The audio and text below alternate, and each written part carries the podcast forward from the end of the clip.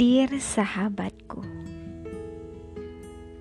terima kasih karena sudah ada. Terima kasih karena sudah menemani saat suka maupun duka.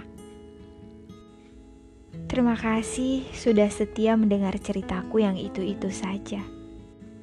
Aku berdoa agar Tuhan senantiasa menjagamu dan melimpahkan segala kebaikan kepadamu. Terima kasih karena sudah berdiri saat aku bahkan tak sanggup berlari.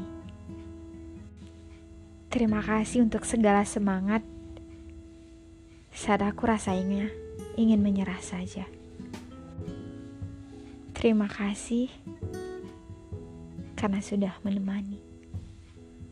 Tetaplah di sini, berdiri di sampingku. Sahabatku, terima kasih.